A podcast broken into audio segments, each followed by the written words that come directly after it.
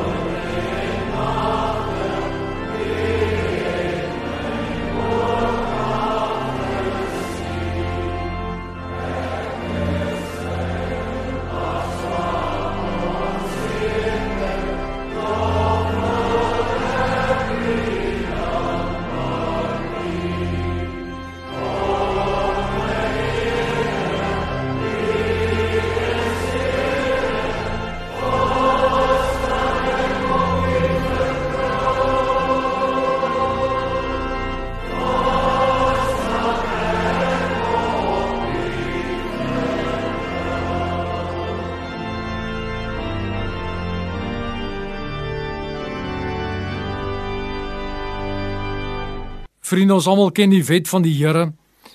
Ons weet dat toe die Fariseërs en die Sadduseërs Jesus se mond probeer snoer het en 'n wetgeleerde vir hom 'n vraag gevra het toe hulle hom wil probeer vastrek het, het hulle vir hom gevra van al die gebooie, watter gebod is die grootste gebod? En Jesus het toe geantwoord: Jy moet die Here jou God lief hê met jou hele hart en met jou hele siel en met jou hele verstand. Dit is die grootste en die eerste gebod. En die tweede wat hiermee gelyk staan is dit: jy moet jou naaste lief hê soos jouself. Vriende, ons aanbid die God van liefde. En daarom in die gemeente waar ek die voorreg het om te dien, sê ons dat ons roeping is die liefde van God vir elke mens oor alle grense heen. Dit gaan nie in die eerste plek oor die liefde wat ons vir hom het nie, maar die liefde wat hy vir ons het en 'n liefde wat vir ons en alle mense oor alle grense is. En as ek so nadink oor God se liefde, dan vra ek in hierdie grendeltydperk in die COVID-19 tydperk vir myself. Hoe lyk God se liefde vir ons? En dan sê Paulus onomwonde in Romeine 8: Daar is niks in die skepping wat ons kan skei van die liefde van God nie die liefde wat daar in Christus Jesus ons Here is nie. Sê Paulus, hiervan is ek oortuig. Geen dood of lewe of engele of bose magte of teenswoordige of toekomstige dinge of kragte of hoogte of diepte of enigiets anders in die skepping kan ons van daardie liefde skei nie. So as iemand sou vra, is daar iets wat ons kan skei van die liefde van God? Die koronavirus? Dan sê ons nee. Niks kan ons van God se liefde skei nie. Kan werkloosheid ons skei van God se liefde? Nee. Kan siekte, dood, hartseer, rousmart ons skei van die liefde van God? Saam met Paulus sê ons nee, niks kan ons skei van die liefde van God nie. Kan sonde, mislukking, skaamte ons skei van die liefde van God? En dan bevestig ons weer eens saam met Paulus, nee, niks kan ons skei van die liefde van God nie. Saam met Paulus sê ons, as God vir ons is, wie kan teen ons wees? Vriende, ek nooi julle uit om saam hartlik die liefde van God te besing.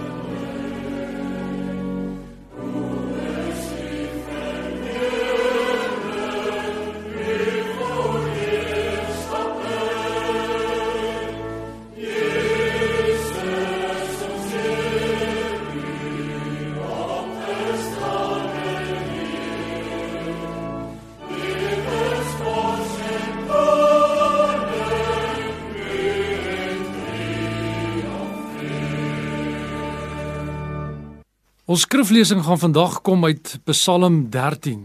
Miskien 'n Psalm wat vir baie van ons nie so bekend is nie, maar ek dink tog 'n aangrypende Psalm en ek sal graag vandag hierdie Psalm saam met julle wil lees. Maar voordat ons dit lees, kom ons sluit die oë en ons bid saam. Ons Hemelse Vader, dit is vir ons 'n wonderlike wonderlike voorreg om u woord in Afrikaans tot ons beskikking te hê. Ons wil vir u dankie sê Here dat ons vandag die Bybel mag oopmaak en die getuienis op grond van ons vorige ervaring kan hê. Dis tussen die blaaie van die Bybel dat ons die asem van God optel. En daarom Here in hierdie tye waarin ons lewe waar daar publikasiemaatskappye is wat hulle deure moes sluit en nie meer hulle tydskrifte gaan uitgee nie wil ons vir U dankie sê dat ons te midde van sulke omstandighede steeds die Bybel het steeds die Bybel mag lees. Wat 'n voorreg. En daarom bid ons o Heilige Gees dat U ook nou U woord self aan ons duidelik sal maak. U kinders, luister. Amen. Psalm 13 vir die koorleier Psalm van Dawid. Hoe lank gaan U my nog bly vergeet, Here? Vir altyd? Hoe lank gaan U nog van my af wegkyk? Hoe lank moet ek nog my eie planne maak en my dae met kommer deurbring? Hoe lank sal die vyand my nog oorheers? Luister tog en antwoord my, Here my God. Gee my tog nuwe lewenskrag. Ek wil nie sterwe nie. Anders sê my vyand uit my oorwin en juig my verdrukker oor my ondergang. Ek hou vas aan u troue liefde. Oor die uitkoms wat U gee, juig my hart. Ek wil sing tot eer van die Here omdat hy aan my goed gedoen het. Vriende, tot sover ons teksgedeelte. Baie van ons as Afrikaners is grootgemaak, veral mense van my ouderdom en my geslag, om nie in opstand teen gesag te kom nie. Nou ek weet nie of dit aldag nog steeds waar is van die jonger geslag nie, maar vir ons wat ouer word sou ons as kinders nooit sommer teen gesag en gesagsfigure geprotesteer of gerebelleer het of hulle openlik gekritiseer het nie. Jy dalk nie gehou van sommige reëls of sekere gesagsfigure nie, maar jou oriëntasie was dat jy dit in elk geval gaan aanvaar. En ek vermoed dat ons hierdie gesindheid en hierdie lewensbenadering ook op ons verhouding met God toepas. As ons in 'n situasie sou beland waar ons teleurgestel is aan God of God as afwesig ervaar, of sy optrede miskien onverklaarbaar vind, nie kan verstaan waarom God nie ons gebede verhoor nie, dan swyg ons eerder. Ons word stil en uiteindelik verdwyn ons van die geloofstoneel. Party mense bly net weg van die kerk. Hulle hou op bid en hulle hou op Bybel lees. Wat help dit tog? Sal die mense saggies dink. Maar ek dink nie ons mense sal sommer vir God direk aanvat nie opstandig proteseer en vir hom sê dit wat ons beleef en ervaar in moeilike omstandighede, in krisistye, is vir ons nie reg nie. Joodse kinders, so lyk dit my, word anders grootgemaak. Of ten minste die Joodse kinders in die antieke wêreld. Hulle huiwer glad nie om teen God in opstand te kom nie. En ons kry 'n uitstekende voorbeeld hiervan in Psalm 13 wat ons gelees het. As julle nou julle Bybels oop gehad het en mooi gekyk het na Psalm 13, dan sou julle gesien het dat Psalm 13 bestaan uit 3 paragrawe, 3 eenhede. En dit is soos 3 verskillende getye van die see wat inkom, op die strand van die geloof uitspoel. En as ons nou kyk na die eerste paragraaf, dan wil ek vra dat jy ietsie sal ervaar, ietsie sal beleef en sal raak sien van die emosies voel die emosionele krag van die eerste inkomende gety wat oor God gespoel word hier. Hoe lank gaan U my nog bly vergeet, Here, vir altyd? Hoe lank gaan U nog van my af wegkyk? Hoe lank moet ek nog my eie planne maak en my dae met kommer deurbring? Hoe lank sal die vyand my nog oorheers? Vriende, ek is so bang. Ons lees hierdie verse net oppervlakkig op 'n begripsvlak en ons mis die diepe emosies waaroor dit gaan. Hierdie skrywer kom met diepe verwyte voor die Here staan, onbeskaamd, eerlik, maar tog opreg. Hy verwyd God en hy huiwer nie om vrae in die rigting van God te slinger nie. God moet antwoord. Onbeskaamde taal. As 'n mens dan aanbeweeg na die tweede paragraaf toe, dan het ek 'n vermoede dat 'n tydjie verloop tussen die eerste en die tweede paragraaf. Ek weet nie of hierdie skrywer dit alles in een sitting neergeskryf het nie. Waarskynlik het hy hierdie verwytende eerste paragraaf neergeskryf op 'n maandag en soos wat hy deur die week geworstel het, hier eers aan die einde van die week by die tweede een gekom. En as hy dan kom by die tweede gedeelte, dan dan is dit asof die gety wat nou teruggetrek het dan nou weer soos 'n tsunami van woede inkom. Want God het hom nie geantwoord op sy vrae nie. En nou verwyd hy nie meer God nie. Nou is hy kwaad. Dis as ware asof die skrywer God nou aan die bors gaan gryp en is asof hy bevele uitblaf. Luister, hier staan geskrywe: Luister tog. Uitroepteken. Antwoord my. Uitroepteken. Dis 'n bevel. Here my God. Dis 'n uitroepteken. Vriende, ek moet eerlik wees. Toe ek hierdie woorde die eerste keer in my lewe gelees het, het ek gedink: Hoe kan 'n mens dit waag om so met God te praat? Veral 'n oënskynlik gelowige mens. Is dit nie God se laster nie?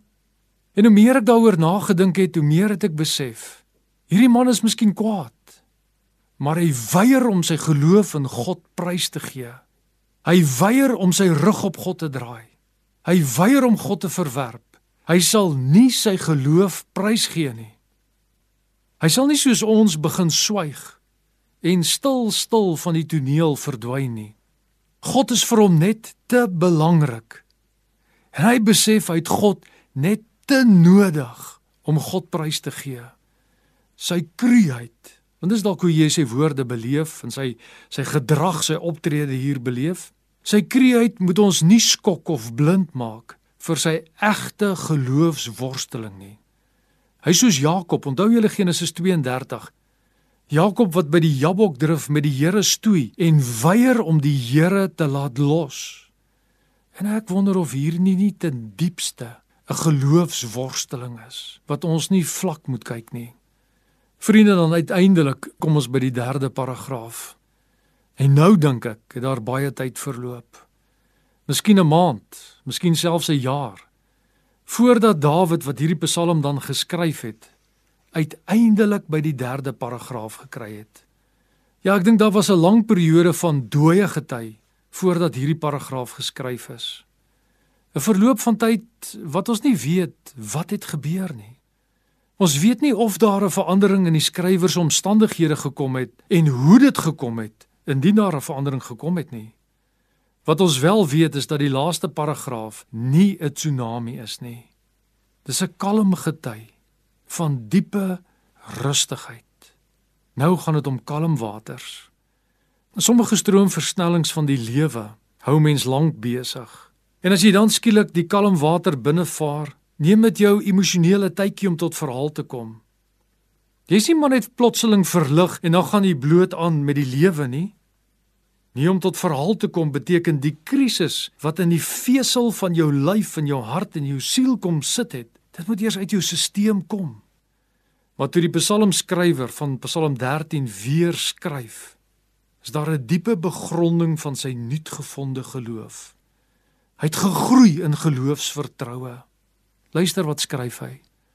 Ek hou vas aan u troue liefde. Oor die uitkoms wat u Here gee, juig my hart. Ek wil sing tot eer van die Here, omdat hy aan my goed gedoen het. Sy tong en sy hart het van verwyd na woede beweeg en van verwyd en woede uiteindelik na lofprysing beweeg. Vriende, wat is vertroue? Ek dink nie vertroue is iets wat jy bloot of het of nie het nie. Jy het dit en ek wil aanvaar dat jy as luisteraar vandag vertroue in die Here het. Maar vertroue is iets wat ook moet groei. Dit moet gevoed word. Jy moet jou vertroue daagliks kos gee sodat jy kan groei in jou vertroue. En as jy eerlik worstel met God, soos in Psalm 13, dan vind jy uiteindelik dat hierdie geloofsworsteling kos is vir geloofsvertroue. En ek dink ek en jy moet ook besluit wat dit is wat ons nodig het. Miskien is ons nie in 'n situasie soos die skrywer van Psalm 13 nie, maar dan moet ons besluit, hoe gaan ons ons geloofsvertroue elke dag kos gee? Ek het 'n vermoede dat 'n Psalm soos hierdie by baie van ons mense sal verbygaan. Dat min aanklank sal vind by die Psalm. Want dis miskien nie jou aard nie. Miskien is jy regtig so groot gemaak as Afrikaner soos ek dit net nou beskryf het. Maar dan wil ek sê as jy hierdie Psalm net by jou laat verbygaan, sal dit jammer wees. Want hierdie Psalm met sy oënskynlike, aanstootlike of ongeloofsuitsprake kan 'n nuwe geloofswêreld vir ons ontsluit. Dit is die teenstrydighede van hierdie Psalm wat miskien net te erg op die oor klink. Juist die worstelende uitsprake wat jou geloof verrassend opnuut kan voed en jou kan help om met integriteit en eerlikheid voor God te lewe. Miskien neem jy vandag kennis van hierdie Psalm met sy emosies, sy worstelinge. Maar besluit jy dit is nie hoe jy met God en die lewe en jou geloof sal omgaan nie. Dan is dit reg so. Maar hierdie Psalm het dan nog steeds waarde, want alle mense het per geleentheid 'n worsteling. En ek dink in COVID-19 het ons almal die een of ander worsteling. En dalk hanteer ons dit anderste Maar dan weet ons dat ons in eerlikheid voor God kan staan met ons innerlike stryd. En miskien, ons kan mos ons eie Psalm skryf op voetspoor van Psalm 13. Of as jy in 'n ander rigting wil beweeg, dan doen jy dit so. Maar wat weerhou jou en my van die skrywe van 'n eie Psalm onder leiding van die Heilige Gees? My pleidooi vandag is net dit. Moet nooit in stil sweye verval nie. Moenie geloof stilstype ontwikkel nie. Moenie bloot verdwyn uit die gemeenskap van gelowiges of voor die aangesig van God nie. Wanneer dit met jou goed gaan en wanneer dit met jou sleg gaan, skrywe jou Psalm voor die Here. Ek wil afsluit deur vir 'n oomblik te kyk na Jesus. In Matteus 28 net voor sy hemelvaart gee Jesus vir ons 'n belofte. Hy sê: "Kyk, Ek is met julle al die dae tot die volëinding van die lewe.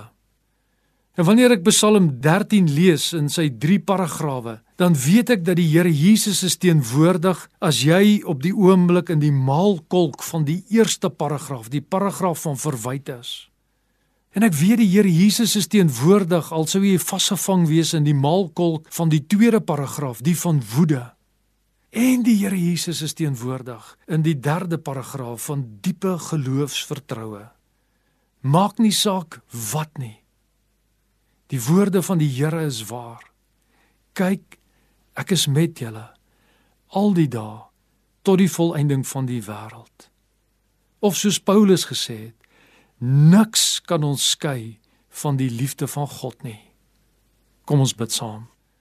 Here Jesus, ons wil vandag opnuut vashou aan die belofte wat U vir ons gegee het.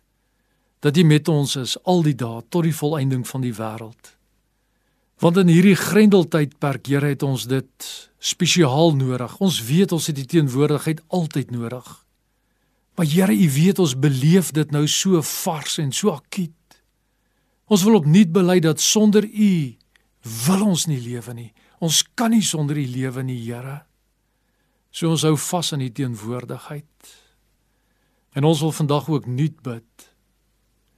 Gee ons ook vandag ons daaglikse brood. Gee dit vir die mense van Suid-Afrika. En ons wil ook nuut bid. Bewaar ons van die bose. Verlos ons van die bose. Verlos ons van die bose koronavirus, Here. Ons bid dit in die naam van Jesus ons Here. Amen.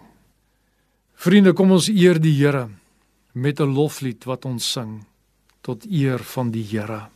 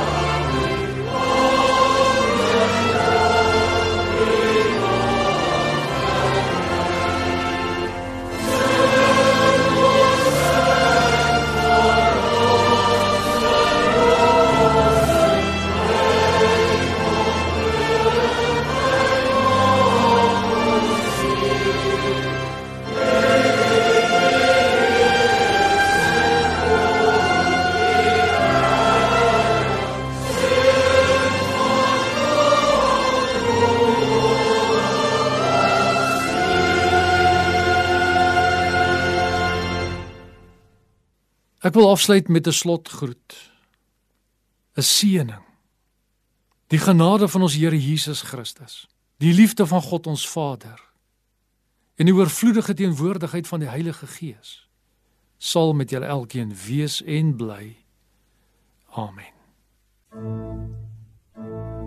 Thank you.